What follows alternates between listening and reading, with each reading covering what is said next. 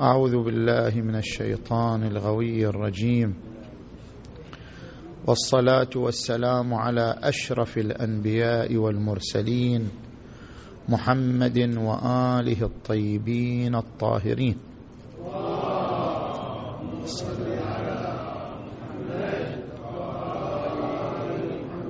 بسم الله الرحمن الرحيم. والذين صبروا ابتغاء وجه ربهم وأقاموا الصلاة وأنفقوا مما رزقناهم سرا وعلانية ويدرؤون بالحسنة السيئة أولئك لهم عقبى الدار جنات عدن يدخلونها ومن صلح من آبائهم وأزواجهم وذرياتهم والملائكة يدخلون عليهم من كل باب سلام عليكم بما صبرتم فنعم عقبى الدار. والذين ينقضون عهد الله من بعد ميثاقه ويقطعون ما أمر الله به أن يوصل ويفسدون في الأرض.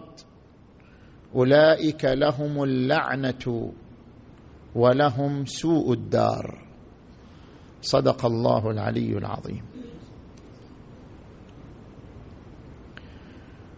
انطلاقا من هذه الآيات المباركات نتحدث عن عدة محاور أسهب فيها علماء العرفان وعلماء التربية.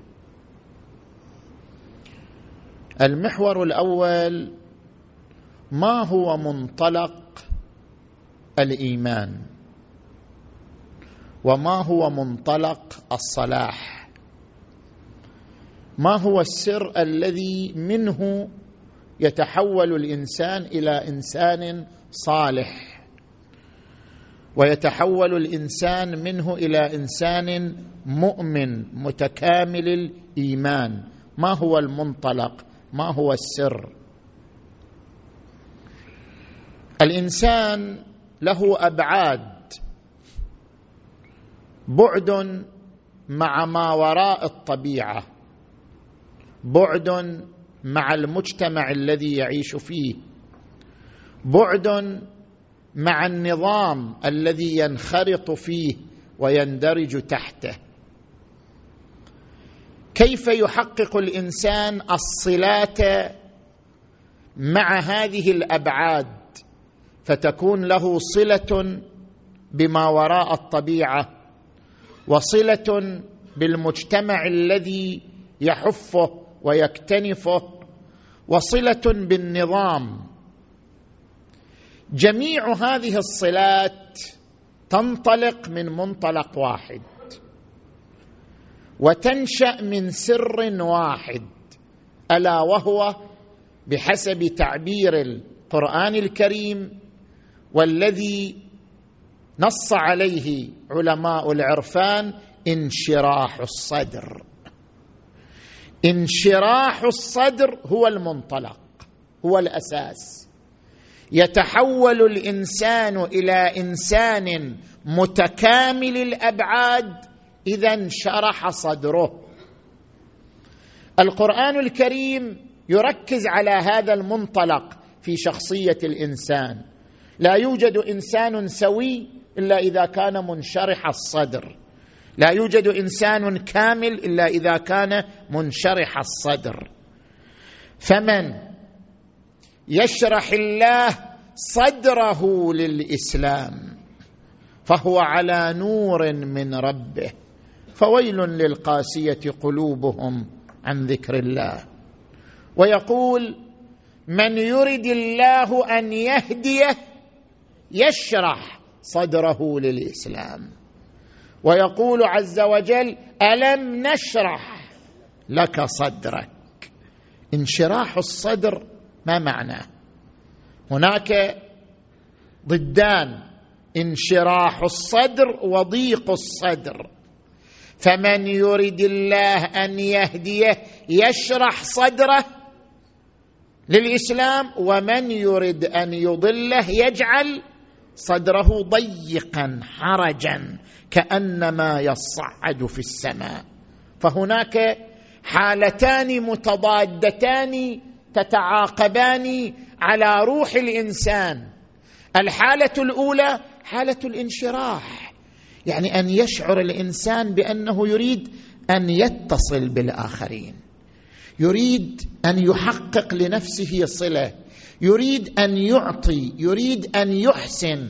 هذه الروح. شعور الإنسان بالحاجة إلى أن يعطي بالحاجة إلى أن يقدم بالحاجة إلى أن يحسن بالحاجة إلى أن ينتج. شعور الإنسان بالحاجة إلى العطاء والإنتاج هذا يعبر عنها بانشراح الصدر. هذا إنسان حصل على السر حصل على سر الشخصية المؤمنة. أنه يشعر بأنه ليس إنسان جامد ليس إنسان متقوقع على نفسه ليس إنسان منعزل ليس إنسان منطوي. إنسان يريد أن يعطي يريد أن يقدم يريد أن ينتج يريد أن يحسن. اذا هو عنده انشراح الصدر. أما الآخر الذي يشعر بضيق في روحه بضيق في أنفاسه إما أنه لا يريد أن تكون له صلة بما وراء الطبيعة أو لا يريد أن تكون له صلة بالمجتمع أو لا يريد أن تكون له صلة بالنظام الاجتماعي. أنا لا أريد إلا أن أكون مع نفسي وفي نفسي ومن نفسي وإلى نفسي ليس إلا. هذا إنسان يعيش انطواء وانقباضا وضيقا في الصدر. هذا ليس انسانا مكتمل الايمان لذلك نلاحظ الآية المباركة. ركزت على الصلات الثلاثة. يعني ركزت على الصلات الثلاث على الأبعاد الثلاثة. قالت والذين صبروا ابتغاء وجه ربهم هؤلاء عاشوا السر عاشوا المنطلق. ألا وهو انشراح الصدر. لأنهم عاشوا انشراح الصدر. حققوا الابعاد الثلاثة. شلون؟ أقاموا الصلاة. هذا بعد. أنفقوا مما رزقناهم سرا وعلانية. هذا بعد آخر. ويدرؤون بالحسنة السيئة. هذا البعد الثالث. البعد الأول أقاموا الصلاة. طبعا أقاموا الصلاة فيها ثلاثة تفسيرات. تفسير اقاموا الصلاة يعني صلوا يصلون. تفسير الثاني اقاموا الصلاة يعني حققوا أهداف الصلاة. إن الصلاة تنهى عن الفحشاء والمنكر فمن نهى عن الفحشاء والمنكر نهيا قوليا وعمليا فقد أقام الصلاة لأنه حقق أهداف الصلاة. والمعنى الثالث أقام الصلاة يعني أنه يعيش الصلاة في كل أوقاته وهذا هو المطلوب. أن تكون صدقتك صلاة أن يكون صلة رحمك صلاة أن يكون ذهابك للمسجد صلاة أن تكون علاقتك بصديقك صلاة أن تعيش الصلاة في كل أوضاعك. الصلاة ليست هي الحركات التي نمارسها لا. القرآن عندما يقول أقيموا الصلاة لا يقصد مجرد هذه الحركات التي نمارسها. أقم الصلاة يعني ليكن بينك وبين ربك صلة في كل أوضاعك. هذا معنى إقامة الصلاة. أن لا تنقطع عن ربك في أي وضع من الأوضاع. عندما تتصدق تستحضر ربك في الصدقة. عندما تزور فلان تستحضر ربك في زيارة فلان.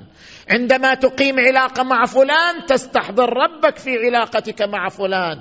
عندما تنضم إلى وظيفة أو دراسة تستحضر ربك في انضمامك إلى هذه الوظيفة والدراسة. إقامة الصلاة يعني إيجاد الصلة مع ما وراء الطبيعة في كل أوضاعك وحركاتك وسكناتك. أقاموا الصلاة.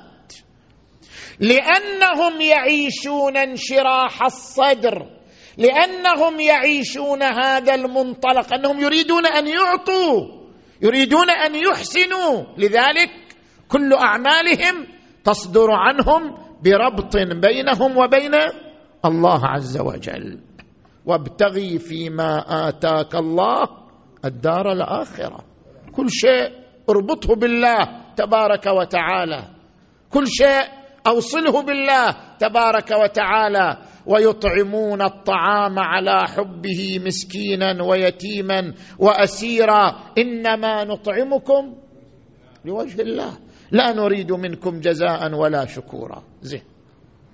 البعد الثاني وأنفقوا. ذاك بعد عبادي صلة بالله. هذا صلة بمن؟ بالمجتمع. وأنفقوا مما رزقناهم سرا وعلانية. لا بخل عندهم. لا ظن عندهم. لا يعيشون انكفاء ولا انطواء ليست نعمتهم لهم. نعمتهم للمجتمع. يستفيد المجتمع من ثرواتهم ونعمهم وأموالهم. وفي أموالهم حق للسائل والمحروم. هؤلاء الذين يقدمون ثروتهم للمجتمع يقدمون عطاءهم للمجتمع وأنفقوا مما رزقناهم سرا وعلانية. كل كل حياتهم عطاء كل حياتهم بذل.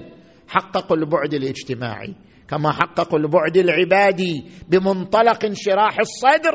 حققوا البعد الاجتماعي أيضا بمنطلق انشراح الصدر لأن صدورهم منشرحة يعطون بلا مبالاة يبذلون بلا مبالاة.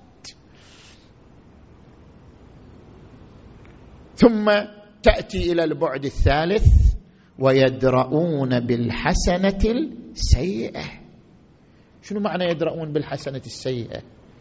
أكو ترى بعد آخر في الإنسان كما أن للإنسان بعدا روحيا غيبيا مع الله يغذيه إذا شعر بالإحسان. كما أن له بعدا اجتماعيا مع أبناء جنسه وجلدته يغذيه بالإنفاق. لن تنالوا البر حتى تنفقوا. مما تحبون. الإنسان إلى بعد ثالث رئيسي البعد مع النظام. يريد الأمن. الإنسان بطبيعته يريد الأمن. ترى الإنسان ليس عدوانيا بطبيعته الإنسان مسالم بطبيعته. لو رجع إلى طبيعته وجبلته لرأى أنه يتجه نحو السلام نحو الأمن نحو الهدوء نحو الاستقرار. لو خلي الإنسان وطبعه ولم يتلوث بفكر إرهابي أو فكر تكفيري أو فكر شيطاني فإن طبعه السلام. طبع الإنسان هو السلام. فهو كما قلنا المنطلق واحد شنو؟ انشراح صدر إذا انشرح صدره انفتح على الله. انفتح على المجتمع انفتح على السلام والوئام. ومتى ما كان متضايقا أو منغلقا عن ربه أو كان منغلقا عن مجتمع مجتمعه أو كان عدوانيا فهو يعيش انقباضا في الصدر. يعيش شخصية ضيقة شخصية انطوائية شخصية انعزالية. لو كان يعيش انشراح الصدر لانشرح على الكل وانفتح على الكل على جميع الأبعاد. فالإنسان حينما تخبر عنه الآية المباركة ويدرؤون بالحسنة يعني ما يريدوا مشاكل. جماعة ما يريدوا مشاكل. جماعة ما يريدوا يدخلوا في قضايا عدوانية. جماعة ما يريدوا يدخلوا في قضايا هجومية. يريدوا يعيشوا بأمن وسلام.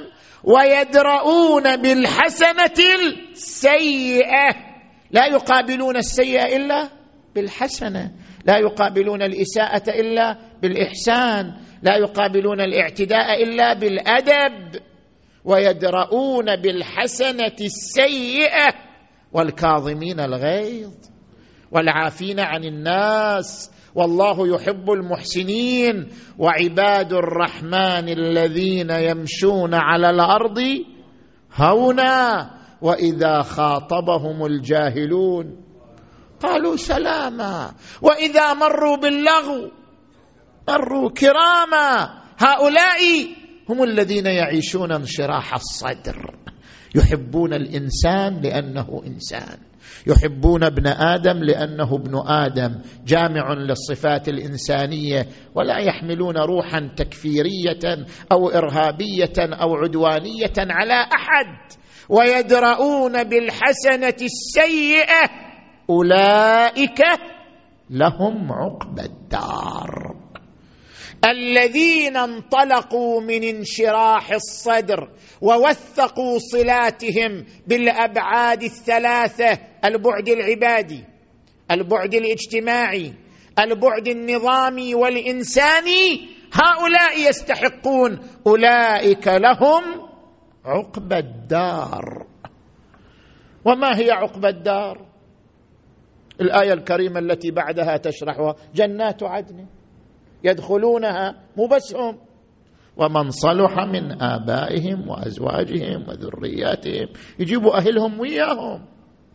والذين آمنوا واتبعتهم ذريتهم بإيمان ألحقنا بهم ذريتهم وما ألتناهم من عملهم من شيء. كل امرئ بما كسب رهين. آباؤهم أزواجهم ذرياتهم يجتمعون معهم في جنائنهم وحدائقهم ونعيمهم ومن صلح من آبائهم وأزواجهم وذرياتهم والملائكة يدخلون عليهم من كل باب. سلام عليكم. بما صبرتم فنعم عقبى الدار. زين. هذا المحور الأول. المحور الثاني لاحظ الآيات المباركات تكرر كلمة الدار وتلك الدار. لهم عقبى الدار لهم سوء الدار. شنو الدار؟ دار يعني هاي الغرفة اللي نقعد بيها يسموها الدار؟ ما هي الدار؟ الدار التي يركز عليها القرآن. لهم سوء الدار لهم عقبى الدار. ما هي الدار؟ التي يركز عليها القرآن الكريم. هنا نذكر أمرين يتعلقان بمفهوم الدار. الأمر الأول الدار مأخوذة من الدوران يعني ما تدور عليه حياة الإنسان.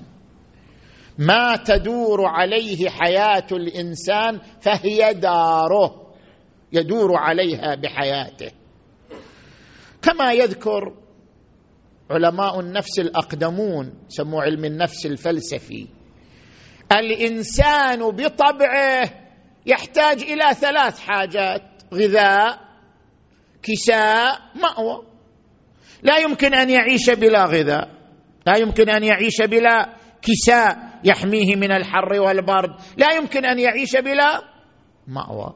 حاجة الإنسان إلى المأوى حاجة ضرورية أولية حياتية. اذا الإنسان تدور حياته مدار وجود شنو؟ مأوى. لذلك يسمى المأوى دار. الدار لأن حياته تدور مدار المأوى فيسمى المأوى دار. ما هو المأوى الحقيقي للإنسان؟ وبعبارة أخرى ما هي الدار الحقيقية للإنسان؟ الإنسان مخلوق أبدي مو مخلوق فاني الانسان ما يفنى ابدا الانسان مخلوق أبدي باق كما ذكر أبو العلاء المعري خلق الناس للبقاء فظلت أمة يحسبونهم للنفادي إنما ينقلون. من دار أعمال إلى دار شقوة أو رشاد. الإنسان خلق ليبقى ما خلق ليفنى. الإنسان مخلوق أبدي. بما أنه مخلوق أبدي فداره لابد أن تكون دارا أبدية. الدار الحقيقية للإنسان الدار الأبدية. ولذلك القرآن يركز على هذه الدار الأبدية. ماذا يقول؟ وإن الدار الآخرة لهي الحيوان. يعني الحياة الحقيقية في الدار الآخرة. أما هذه الدار هي دار حزن دار بلاء دار امتحان دار سجن. هذه الدار التي يعيشها الإنسان دار محدودة دار منقوصة. الدار الحقيقية هي الدار التي فيها الحياة الحقيقية وهي الآخرة وإن الدار الآخرة لهي الحيوان. ويقول تعالى والآخرة هي دار القرار. أنت ما تستقر في هالدنيا مستحيل. واحد يقول لك والله أنا سعيد بمئة بالمئة كذاب ما في أحد سعيد بمئة بالمئة. ما في. واحد يقول والله أنا ما أشكو ولا مشكلة كذاب ما في. لابد أن يعيش نقصا في هذه الدار. لابد نقص في جسمه نقص في صحته نقص في أمنه نقص في رزقه نقص في علاقاته نقص في نفسيته. هذه الدار دار المحدودية دار النقص. إنا خلقنا الإنسان من نطفة أمشاج نبتليه. ما ينفك عن الابتلاء. ليتصور أنه يخرج عن دائرة الابتلاء؟ ابدا مستحيل.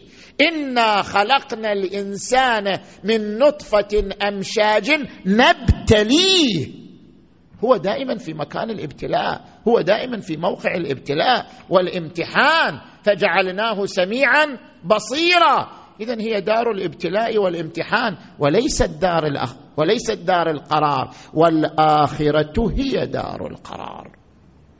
وقال تبارك وتعالى إن الله يدعو إلى دار السلام. هذا مو دار سلام. لا لا لا مو دار سلام. دار حروب ومجاعات وصراعات مستقيمة ومزمنة وأبدية. إن الله يدعو إلى دار السلام تلك دار أخرى. اذا الدار الحقيقية الحافلة بالحياة والقرار والسلام. الدار الآخرة. وتلك الدار الآخرة نجعلها للذين لا يريدون علوا في الأرض ولا فسادا. زين. هذا المحور الثاني. المحور الثالث يا إخوان شنو معنى العاقبة؟ عقبى الدار عاقبة الدار. شنو معنى عقبى الدار وعاقبة الدار؟ هذا يحتاج إلى تدقيق وتركيز منكم شيئا قليلا. الفلاسفة يقولون عاقبة الشيء ما يؤول إليه بطبعه. ما لم؟ يزاحمه مزاحم. كيف؟ نجي الآن مثلا إلى عالم الطبيعة. هذا العالم الذي نعيش فيه عالم الطبيعة. نجي ناخذ البذرة بذرة شجرة التفاح مثلا. هذه البذرة بذرة سليمة نقية نضعها في التراب. شنو عاقبتها؟ عاقبتها أنها تنتج تتحول إلى شجرة. هذه عاقبتها. البذرة تنطوي في داخلها على شنو؟ على نواة الحياة على نواة الإنتاج على نواة الإثمار. لا توجد خلية حية في هذا الكون كله إلا وهي تنطوي على بذرة الإنتاج وبذرة العطاء. ما في. الحياة تعني العطاء. الحياة تعني انشراح الصدر الحياة تعني أن تنتج. لا توجد خلية حية إلا وهي تضم بين تضم بين أجزائها وجزيئاتها خلية الحياة وبذرة الحياة وبذرة الإعطاء والإنتاج. اذا عاقبة الشيء أن ينتج هذا عاقبته. إذا ما ينتج تخلف عن عاقبته. عاقبة كل شيء أن ينتج أن يعطي. عاقبة كل شيء أن يصل إلى كماله. عاقبة كل شيء أن يظهر المخبوء من طاقته. كل إنسان عنده شنو؟ مخبوء. شوف هذا الطفل الصغير. ما تدري هذا إيش رايح يصير في المستقبل؟ إيش رايح يصير؟ يصير عملاق يصير قزم يصير شنو؟ هذا عنده طاقات. طاقات مخبوءه في عقله بين دفتيه. هذه الطاقات المخبوءه تحتاج إلى نظام حتى تخرج من القوة إلى الفعلية حتى يصبح لهذا الطفل عاقبة عاقبته أن ينتج. وأن تخرج المخبوءات من طاقاته. ما أضمر امرؤ في قلبه شيء إلا وظهر على قسمات وجهه أو فلتات لسانه. لابد أن تظهر هذه الطاقة المخبوءة. زين؟ فعاقبة الشيء ما يؤول إليه لولا المزاحم. نجي لهذه البذرة بذرة شجرة التفاح. عاقبتها أن تصبح شجرة. لكن لو خضعت لهواء ملوث بالادخنه كهواء مجتمعاتنا مثلا. شلون تنتج؟ هي الشجرة زرعت في مجتمع لا يستفيد من البترول إلا الدخان ولا يستفيد من البترول إلا الغازات السامة. هذا شلون تنتج هذه الشجره ما تنتج هذه الشجره هذه البذرة حتى تتحول إلى شجرة مثمرة تحتاج إلى الهواء النقي تحتاج إلى الماء النقي تحتاج إلى السماد النقي. اذا عندما توضع هذه البذرة توضع في عالم التزاحم فيحصل. البذرة فيها طاقة تريد تنتج لكن أكو مزاحم لهذه الطاقة وهو الهواء الملوث. البذرة فيها طاقة تريد تنتج لكن أكو مزاحم لهذه الطاقة الماء الملوث. فدار الدنيا وعالم المادة عالم التزاحم بين الأضداد عالم الصراع بين الأضداد. الطاقة الإنتاجية لدى البذرة عامل على الحياة والهواء الملوث عامل على الموت فيحصل الصراع بين الأضداد. قد تفلح البذرة وقد تخيب. إن أفلحت صار لها عاقبة. ما أفلحت صار لها سوء.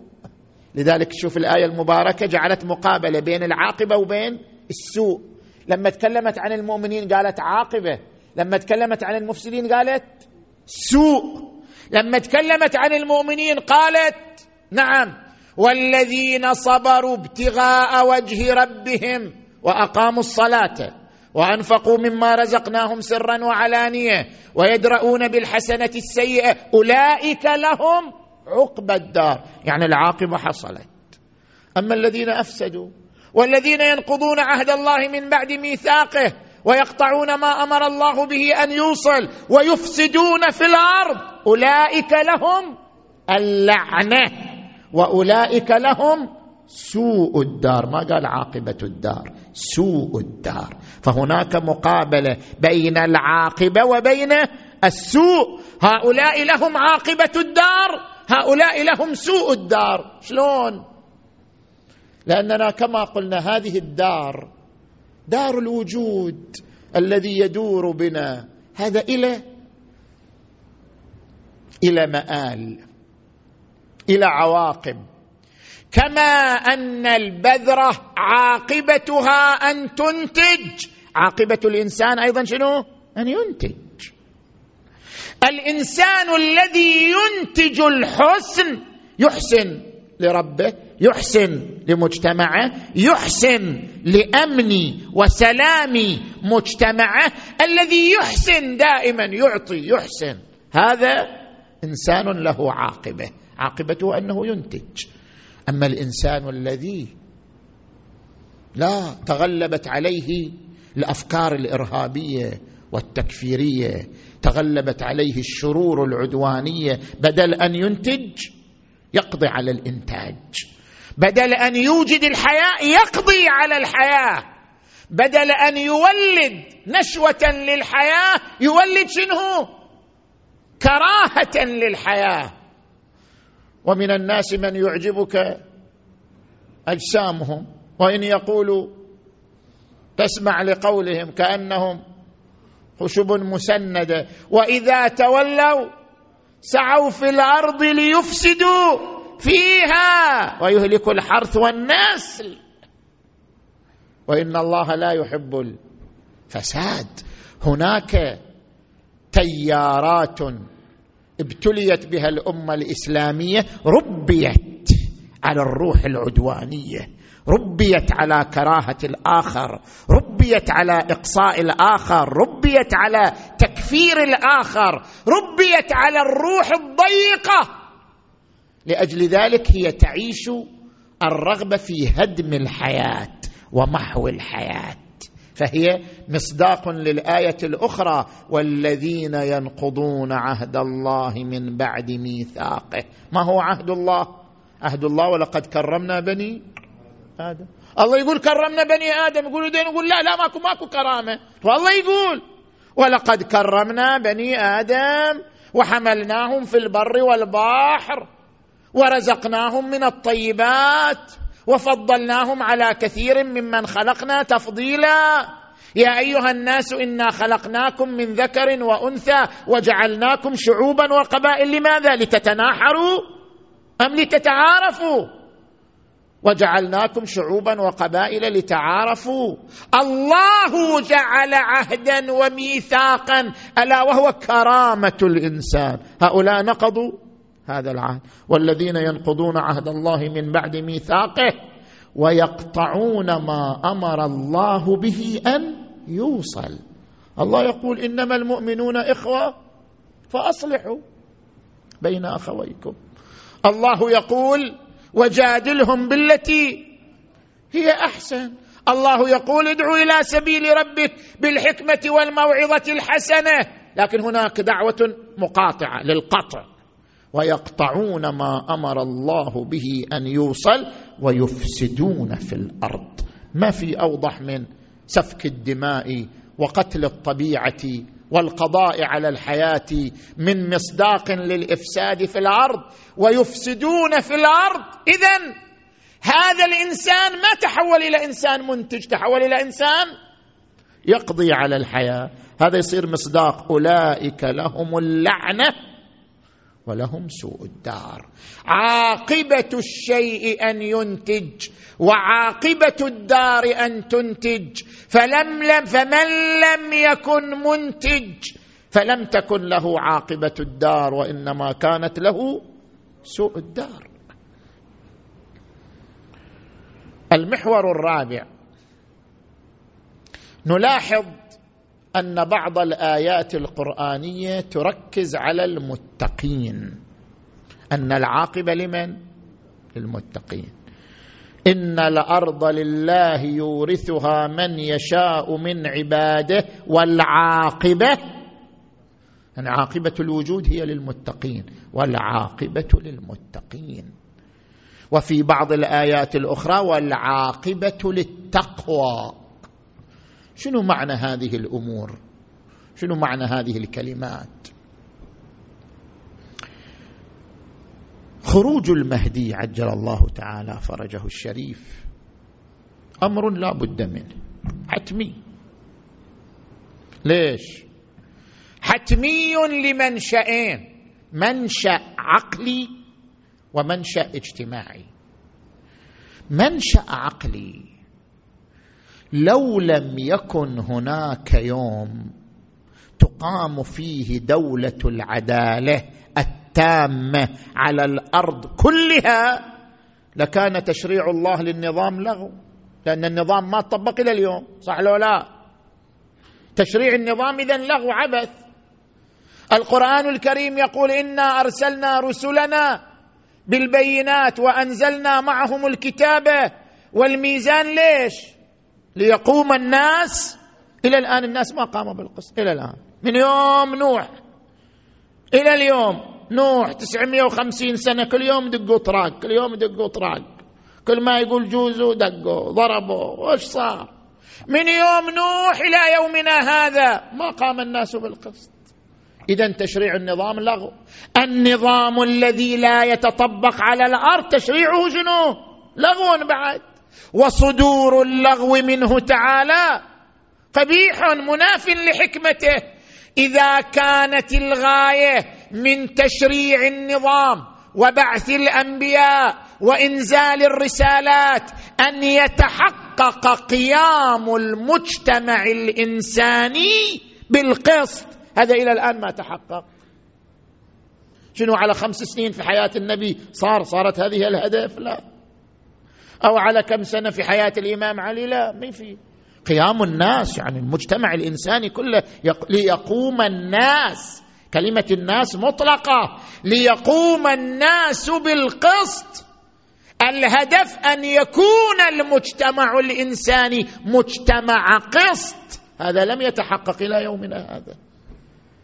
إذا العقل بنفسه يحكم. ما نحتاج إلى دليل. ما يحتاج واحد يقول لك شنو الدليل على أن أكو مهدي بيطلع؟ الدليل هو العقل. نحتاج دليل آخر. لا نحتاج إلى دليل نقلي. لو لم يكن هناك يوم تتحقق فيه العدالة التامة لكان وجود النظام لاغو. وجود التشريع لاغو. وجود الأحكام لاغو. لأنها لم تتحقق بأهدافها ولم تتفعل إلى يومنا هذا.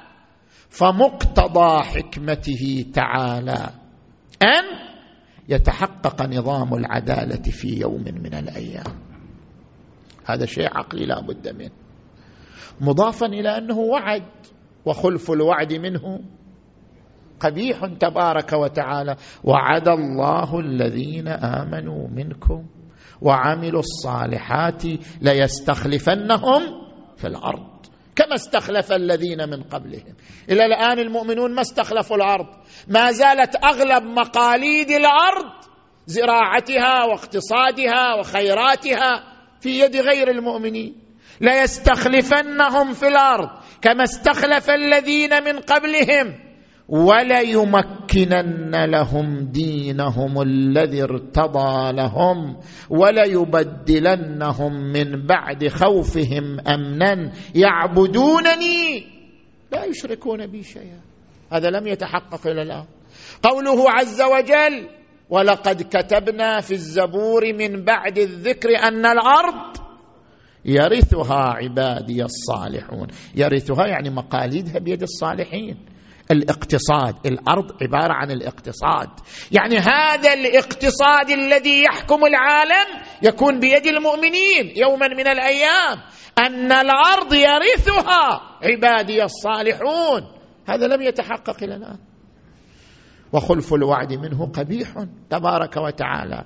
اذا هناك منشأ عقلي بأن يوم المهدي لا محالة حاصل.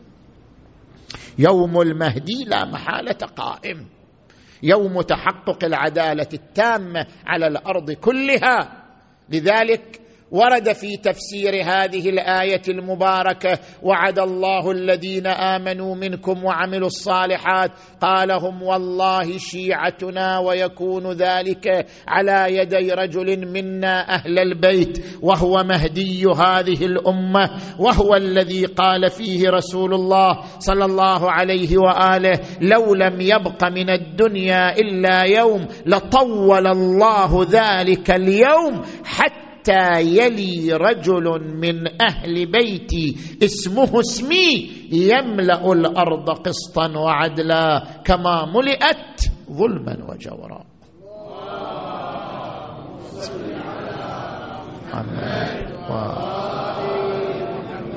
هذا المنشأ الأول منشأ عقلي ماكو شاره المنشا الثاني منشأ اجتماعي سموها السنن. في علم الاجتماع يسموها السنن الاجتماعية. سنن. شوف التاريخ يمشي سنن. مثلا كل مجتمع يعبث بالثروة مصيره إلى الفقر والتخلف.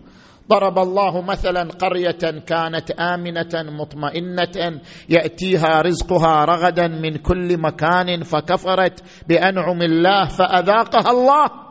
لباس الجوع والخوف. هذه سنة. كل من يلعب بالثورة عفوا كل من يلعب بالثروة يؤول أمره شنو؟ إلى الفقر والخوف. فأذاقها الله لباس الجوع والخوف بما كانوا يصنعون. سنة من سنن المجتمع. من السنن الاجتماعية أن أي حضارة تحتاج إلى غربلة. شوف أنت الآن مثلا. زمان نوح عليه السلام. لو اخترعت الطاقة الكهربائية في زمن نوح. توصلوا توصل البشر إلى طاقة الاتصالات. ما يقدروا يتعاملوا وياها لأن ما عندهم شنو؟ ما عندهم أي خلفية ثقافية في التعامل مع هذه الطاقات. يحتاج إلى تمهيد. كل حضارة لا تقوم إلا بتمهيد لها. كل دولة وحضارة تقوم تحتاج إلى سنن تمهد لها. المجتمع البشري قاعد يعيش تجارب إلى أن يتهيأ لأعظم حضارة وهي حضارة المهدي. عجل الله فرجه الشريف.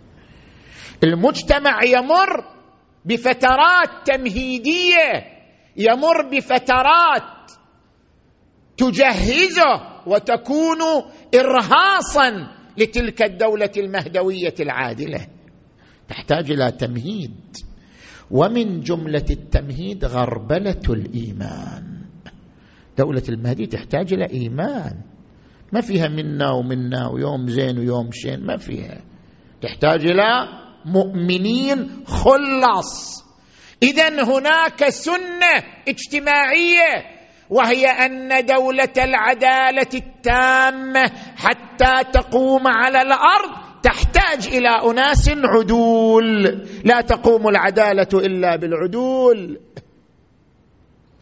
وحتى تتوفر الأرضية العادلة تحتاج الأرض إلى تصفية تحتاج الأرض إلى غربلة تحتاج الأرض إلى ابتلاء. فلا بد أن يمر المسلمون بأزمات بأزمات حادة.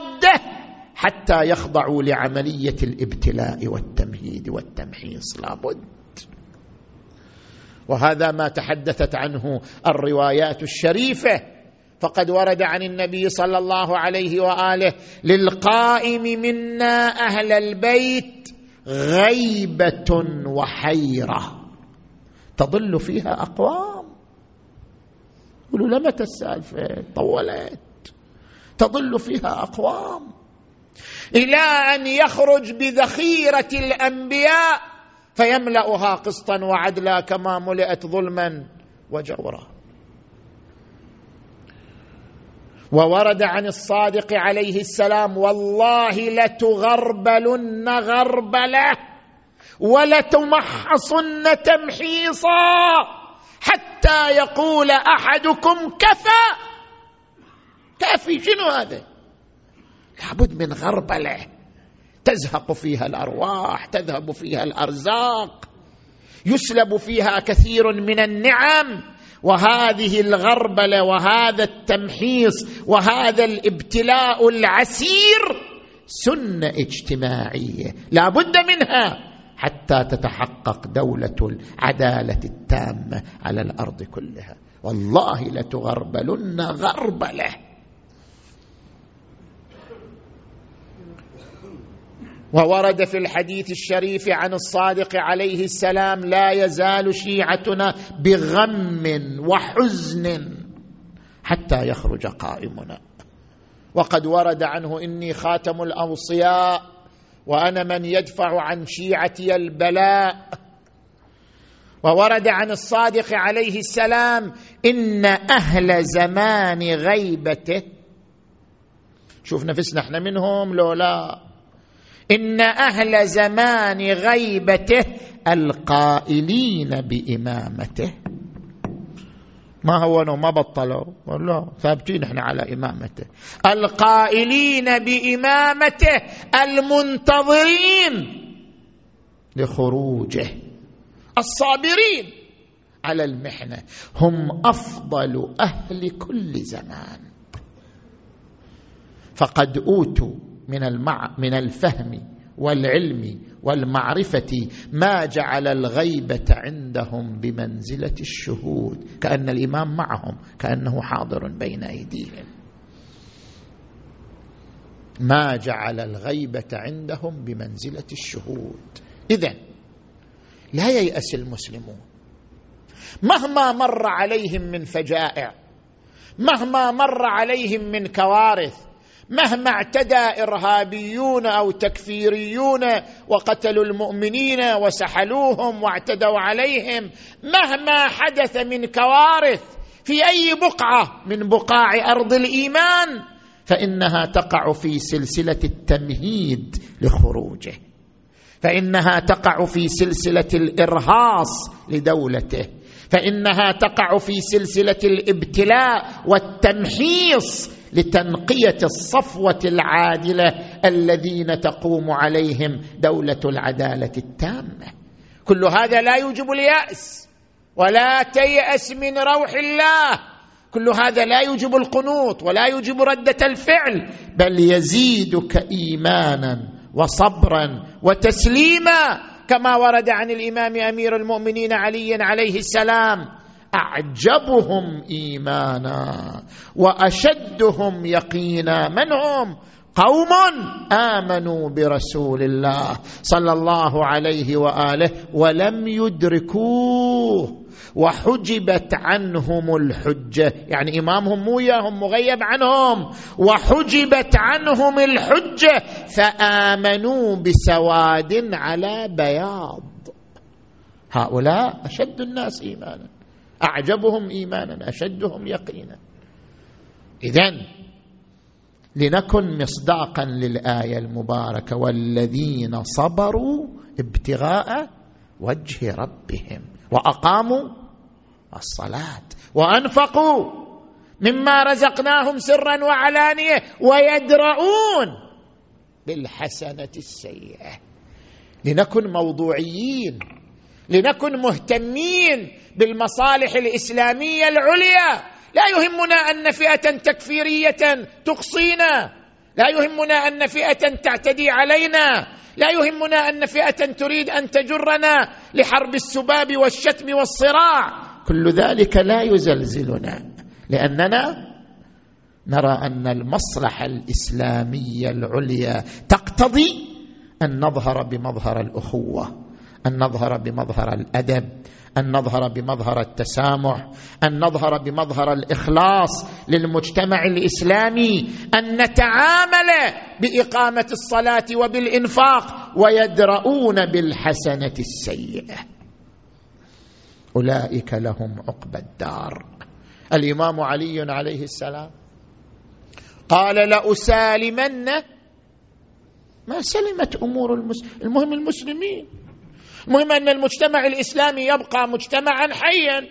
وجود فئة شاذة ما ما يأثر على القضية ابدا. نحن مع الجو الإسلامي العام. نحن مع الأمة الإسلامية الجمعاء.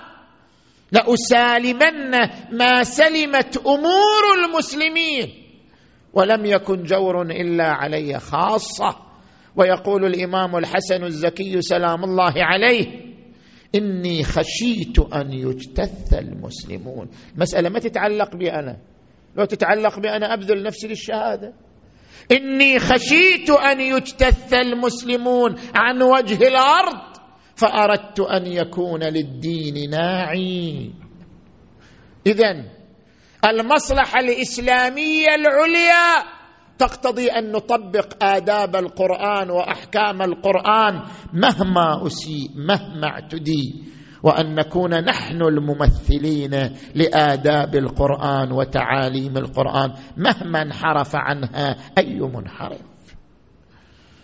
حينئذ تظهر العاقبة للتقوى. عاقبة للمتقين طبعا كم من متقين ماتوا استشهدوا ذهبوا إلى ربهم لكن كل هذه التضحيات والبطولات والشهادات لن تذهب سدى إنها في طريق التمهيد والإرهاص إلى تحقيق عاقبة التقوى والعاقبة للمتقين. نسأل الله تبارك وتعالى أن يجعلنا من المتقين وأن يجعلنا ممن وعدوا بالعاقبة الحسنة.